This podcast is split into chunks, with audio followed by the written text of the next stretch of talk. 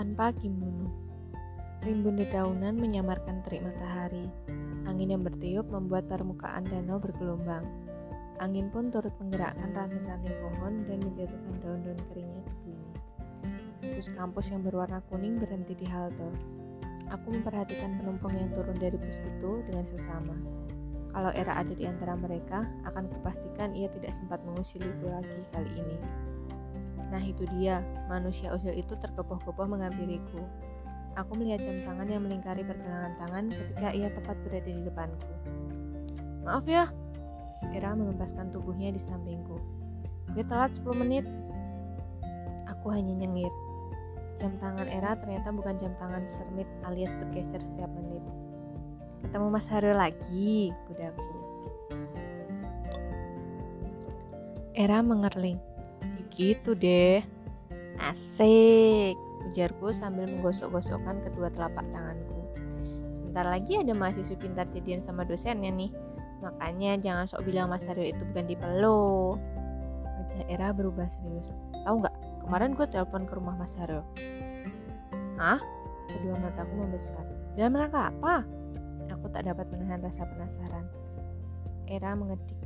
Biasalah urusan nilai. Gue disuruh teman-teman telepon dia, nanyain tambahan tugas buat bantu nilai kuis yang pada dapat C dan D. Kalau mau sih disuruh-suruh begitu, aku mengerutkan kening. Era mendekatkan wajahnya. Supaya gue ada alasan telepon dia. Aku tertawa kecil mendengarnya. Terus, Mas Aryo bakal kasih tahu tugasnya di pertemuan kuliah nanti. Terus, ya udah gitu aja. Lo nggak nanya hal lain? Tanya aku setengah menyelidik. Tanya apa kek? Masa cuma gitu aja? Awalnya gue mau nanya hal lain, tapi keburu nggak enak. Padahal gue udah ancang-ancang mau nanya tentang tempat-tempat menarik di Indonesia. Mas Haryo kan pernah cerita kalau dia suka traveling. Loh, kenapa nggak jadi tanya? Era mendekatkan wajahnya ke telingaku. Keserembitan? Aku melongo sebelum akhirnya tergelak mendengarnya. Tahu dari mana lo? Yang terima telepon gue itu perempuan. Setelah gue tanya, dia bilang gini. Saya istrinya, sebentar saya panggilkan Mas Haryo. Mungkin belum waktunya lo keluar dari kejora, kataku sok prihatin sambil memegang bahunya. Era balas memegang bahuku. Mungkin emang gue ditakdirkan berjodoh sama Kenji. Aku ternganga sebelum akhirnya menepuk dahi. Kok jadi belok ke Kenji sih? Era tidak menjawab. Ia hanya tersenyum simpul. Lalu ia membuka ranselnya dan menyodorkan kertas HVS yang terlipat. Apaan nih? Coretan tangan Era menyambut pandanganku saat aku membuka lipatan kertas itu. Wih, aku berseru kagum. Mantap, bisa buka travel agent nih kayaknya. Pengennya sih gitu. Era berkomentar sambil nyengir. Makanya gue sekarang rajin jelajah Indonesia supaya nanti punya banyak referensi tempat-tempat menarik. Liburan Akika ini bakal memperkaya pengalaman gue juga. Akiko, protesku. Pakai O, bukan pakai A. Era tergelak. Eh, udah ganti ya? Era memperhatikan, aku memperhatikan tulisan Era pada tiga lembar kertas yang disodorkannya kepadaku. Masing-masing kertas bertuliskan nama tempat yang berbeda-beda. Aku mengerutkan kening. Tidak ada satupun di antara tempat tiga tempat ini yang pernah aku kunjungi. Ampun, warga, warga negara macam apa aku ini? Aku membuka tas dan mengeluarkan sekotak biskuit coklat stick. Apaan lagi tuh? Aku menyobek pembungkus biskuit dan menyodorkannya. Bukannya mengambil isinya, Era malah memperhatikan kemasan biskuit yang aku pegang. Coklat crunchy. Era membaca tulisan yang tertera di kotak. Berani taruhan, ini pasti belinya bukan di sini. Kalau yang berlapis coklat atau strawberry, gue sering lihat. Kalau yang berlapis coklat sama remahan kue kering begini, baru kali ini gue lihat. Pastinya, kataku. Ini belinya di Jepang sana. Mangga, cobian? Era menarik sekaligus dua biskuit berbentuk stik berlapis coklat dan remahan kue kering. Suara biskuit patah pun terdengar, disusul suara kunyahannya. Enak? Jawab komentar Era. Iyalah, kataku sambil ikut memasukkan sebatang biskuit coklat ke mulut. Tanganku kemudian membolak-balikkan lembar kertas yang diberikan Era. Keren, komentarku. Aku menoleh dan mendapati Era sering menatapku dengan sebelah alis terangkat. Makanya jangan cuma ngecap paspor, sekali-sekali jelajahin negeri sendiri. Payah nggak cinta Indonesia. Aku hanya bisa nyengir mendengar ledekan Era. Mau bagaimana lagi? Kenyataannya memang benar demikian. Ini perkiraan biaya per orang? Era menganggukkan kepala. Kulihat tangannya kembali menarik dua buah biskuit stick berlapis coklat yang gue bawa. Mahal juga ya. Namun ketika melihat ekspresi wajah Era, buru-buru aku melihat meralat kalimatku. Tapi rasional reasonable juga sih, soalnya jaraknya jauh, ya kan? Itu belum termasuk tiket pesawat loh. Era menambahkan. Cengiranku mendadak lenyap. Kedua mataku membesar dan aku hanya bisa menelan ludah. Belum?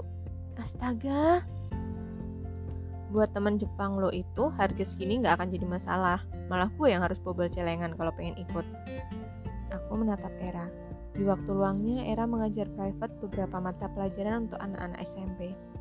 Tidak heran kalau dia punya tabungan dengan jumlah yang lumayan. Loh, terus gue bobol apa dong? Bobol tabungan bokap nyokap lo aja. Ira menjawab kalem. Lo kan tinggal minta sama mereka. Sembarangan protesku. Ortu gue mau mana mau bayarin gue liburan ke tempat antah berantah begitu. Khawatir bapaknya hi anak khawatir anaknya hilang. Kalau mau dibayarin ya harus liburan bareng. Era tergelak. Cari uang sendiri dong payah nggak kreatif. Kasih saran jangan cuma bilang gue nggak kreatif Aku mendengus dongkol.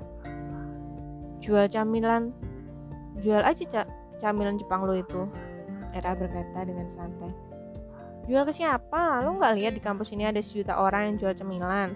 Mulai dari yang cita rasa lokal sampai interlokal, dari yang harganya gambar Oto Iskandar Dinata sampai ikut Igusti Ngurah Rai. Iya jangan jual di sini kalau gitu lo jual aja di toko online. Ah, toko online udah becibun begitu? Komentarku. Di ITC juga banyaknya banyak penjual, tapi nggak cuma satu toko yang dikunjungi pembeli kan? Era mengangkat telunjuknya. Atau gini aja, lo fotoin cemilan yang lo, lo yang lucu-lucu itu, terus diunggah ke Instagram atau pet. Tapi fotonya harus bisa bikin yang lihat ngelap iler ya. Siapa tahu ada banyak yang tertarik. Jangan lupa juga rajin berkicau di dunia maya. Aku menatap Era, tertegun mendengar idenya. Dikasih tahu kok malah diem gitu. Gue serius ini. Waktunya mepet banget, Ra. Emangnya bisa terkumpul beberapa dalam waktu satu bulan? Tetap aja nggak bakalan cukup buat liburan. Paling nggak pas minta uang buat liburan ke orang tua lo, lo bisa bilang kalau lo punya uang tambahan. Dengan cara begini, ortu lo bisa lihat kalau lo udah ada usaha biar bisa liburan. Aku membenarkan pendapat Era.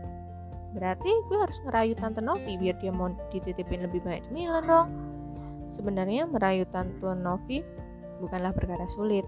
Toh pekerjaannya sebagai pramugari membuatnya sering bolak-balik Indonesia Jepang. Tante Novi ini pramugari maskapai nasional yang home base-nya di Bali dan melayani penerbangan langsung dan pasar Tokyo. Modalnya dari mana ya? Nah, lo rayu Tante Novi biar mau dibayar belakangan, tapi lo harus punya tenggat waktu pembayaran juga. Misalnya dalam sebulan lo bakal balikin uang modalnya. Aku menatap Era dengan sanksi. Kalau barangnya belum laku, kumaha tuh? Usaha dong biar cepet laku. Kalau nggak laku juga itu sih derita lo. Aku cemberut menatap Era yang sedang tertawa-tawa. Dua minggu lagi Dua minggu lagi ada gelar Jepang loh, ikutan aja, kata Era. Tahun lalu aku datang bersama Era ke acara itu. Gelar Jepang merupakan acara tahunan yang diselenggarakan oleh Himpunan Mahasiswa Program Studi Bahasa Jepang. Acaranya bermacam-macam.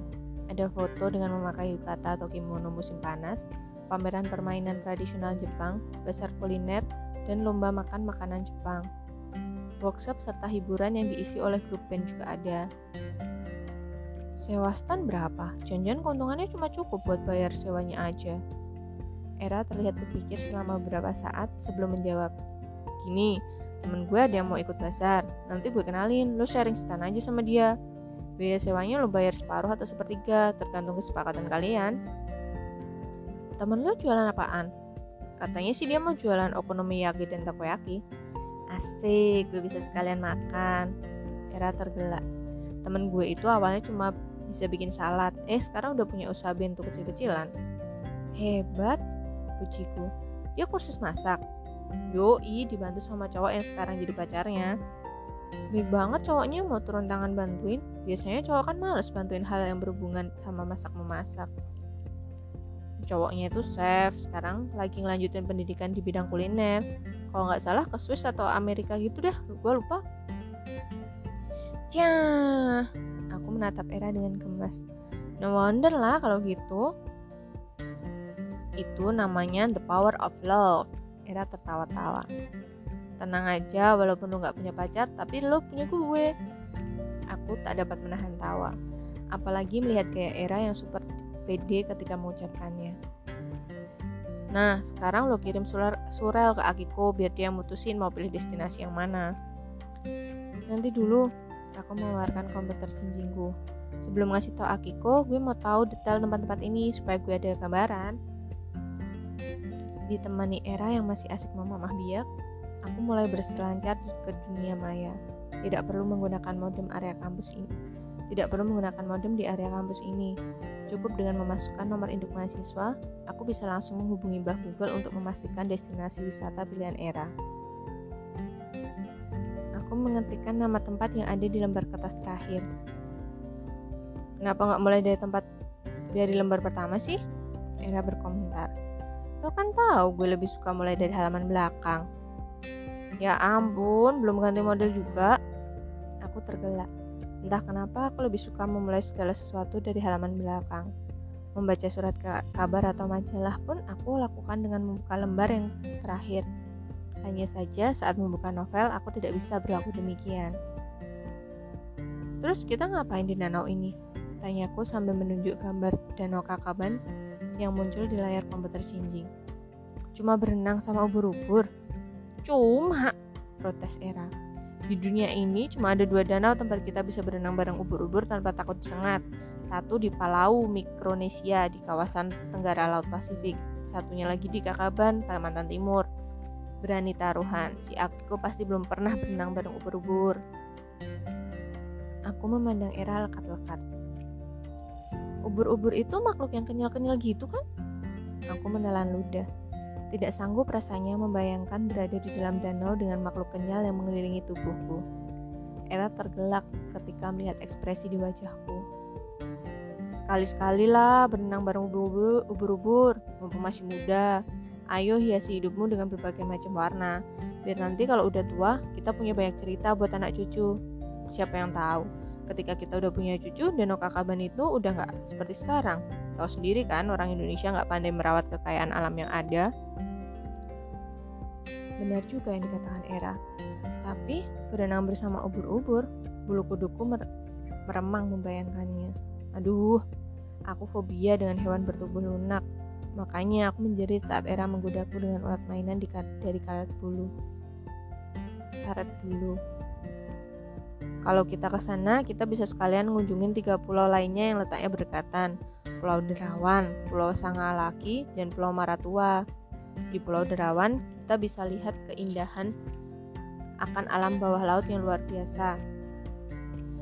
Di Pulau Maratua, kita bakal disuguhi keindahan terumbu karang, penyu hijau, manta, dan biota lainnya. Gue belum pernah ke Maratua sih, tapi gue baca di internet pantainya cantik banget. Penduduk di sana juga welcome sama wisatawan. Kalau Pulau Sangalaki, Tanyaku ingin tahu. Pulau Sangalaki terkenal sebagai lokasi buat nyaksiin konservasi penyu. Lo tinggal pilih mau yang mana deh. Ayo dipilih, dipilih. Era mengakhiri penjelasannya. Jariku kemudian mengetikkan nama tempat yang ada di lembar kedua. Kalau yang ini sih nggak masalah buat gue, komentarku cepat.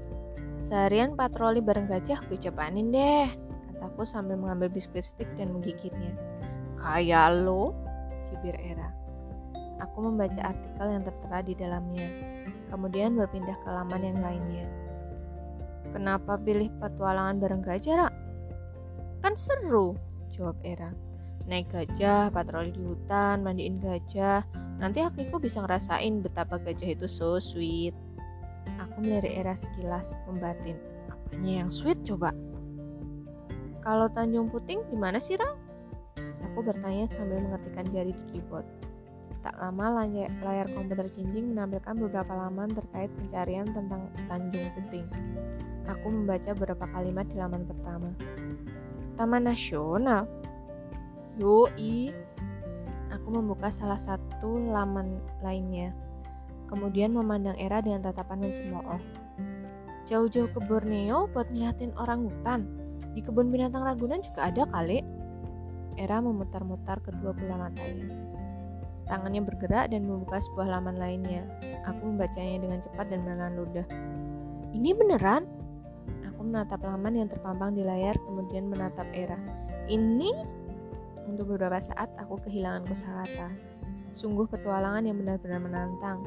Untuk bisa mencapai Tanjung Puting, rumah bagi satwa yang dilindungi itu harus dengan menggunakan perahu kelotok. Di laman yang Era tunjukkan kepadaku, ada beberapa paket yang disediakan oleh tour operator. Ada yang tanpa menginap, ada juga pilihan menginap mulai dari satu malam sampai tiga malam. Bayangkan, menginap di perahu klotok itu pasti seru banget. Akiko pasti suka. Biasanya orang asing kan perhatian sama isu-isu seputar lingkungan dan keanekaragaman hayati. Apalagi Akiko itu orang Jepang. Dia pasti suka deh berada di pedalaman Kalimantan. Kenapa emang sama orang Jepang? Orang Jepang itu kan suka makan ikan segar. Sungai di Kalimantan sana banyak ikan segarnya. Aku kok tinggal nyerok aja, terus makan deh. Kurang segar gimana coba? Tawaku pun meledak. Nih, lo kirim file yang ada di flash disk ini ke Akiko. Isi isinya sama kayak file yang lo pegang sekarang. Biar dia yang mutusin mau berenang bareng ubur-ubur, naik gajah, atau ngunjungin orang hutan. Asik, era is the best pokoknya. Era hanya nyengir mendengar pujianku. Eh, nanti Akiko datang ke sini pakai kimono nggak? Ya enggak lah. Jawabku sambil terheran-heran mendengar pertanyaannya. Selama jadi tetangga gue aja, gue belum pernah lihat dia pakai kimono. Era tampak kecewa. Padahal gue pengen lihat orang Jepang asli pakai kimono, lengkap sama bagiannya sambil bawa payung kertas. Kayak yang di kaleng biskuit sini tuh loh. Ucapnya. Namanya Kitara, bukan Bakiak. Koreksiku. Era kelihatan tidak peduli dengan koreksiku. Minta Akiko bawa kimono dong. Hah? Buat apa? Era mendekatkan wajahnya, kemudian berkata dengan suara rendah. Gue pengen foto bareng Akiko dan Kenji, tapi mereka pakai kimono asli dari Jepang. Aku tertawa. Ntar gue sampein ke Akiko soal cerita-cerita lo yang ajaib itu. Mudah-mudahan Akiko gak keberatan deh. Gitu dong. Era nyengir lebar. Dengan tawa yang masih tersisa, aku mengirim surel untuk Akiko. Kalau Akiko pilih Tanjung Puting gimana? Tanyaku setelah logout dari akun surel. Ya kita berangkat ke Borneo dong, jawab Era santai. Lebih enak lagi kalau kita sampai di Kalimantan sehari sebelum sehari sebelum ke Tanjung Puting. Antisipasi kalau-kalau jadwal pesawat terlambat. Jeda waktu yang ada jeda ada jeda waktu yang ada bisa kita manfaatin dengan jalan-jalan di kota Pangkalan Bun. Emangnya ada apaan di Pangkalan Bun? Ya Elasa, pasti ada hal-hal menarik di tempat yang baru pertama kali kita kunjungi. Eh, di aku berkata dengan ragu-ragu. Apa? Potong Era tak sabaran. Di Kalimantan itu yang gue tahu daerahnya masih banyak hutan, perkebunan, sungai yang lebar dan dalam kan? Belum lagi ada buaya-buaya di sana. Gue sih nggak tertarik ngopi-ngopi di pinggir sungai sambil ditemenin buaya yang seliweran. Lebay, Era tergelak. Didorongnya bahuku dengan gemas. Sebenarnya ada teman kita yang tinggal di Pangkalan Bun. Kita bisa minta tolong dia nemenin keliling kota di hari pertama. Era tersenyum simbol. Siapa? Heru. Aku menatap Era dengan bingung. Heru siapa? Era menatapku sambil memainkan kedua alisnya. Sesaat kemudian kedua mataku terbelalak. Heru? Yang lebih banyak ngangguk, yang lebih banyak ngangguk dan gelang-gelang kepala kalau ditanyain itu? Era tergelak. Iya. Emangnya dia tinggal di Pangkalan Bun? Sejak kapan? Keluarganya pindah ke sana pas dia kuliah semester 2. Tapi dia masih kuliah di sini kan? Aku bertanya sambil mengingat-ingat.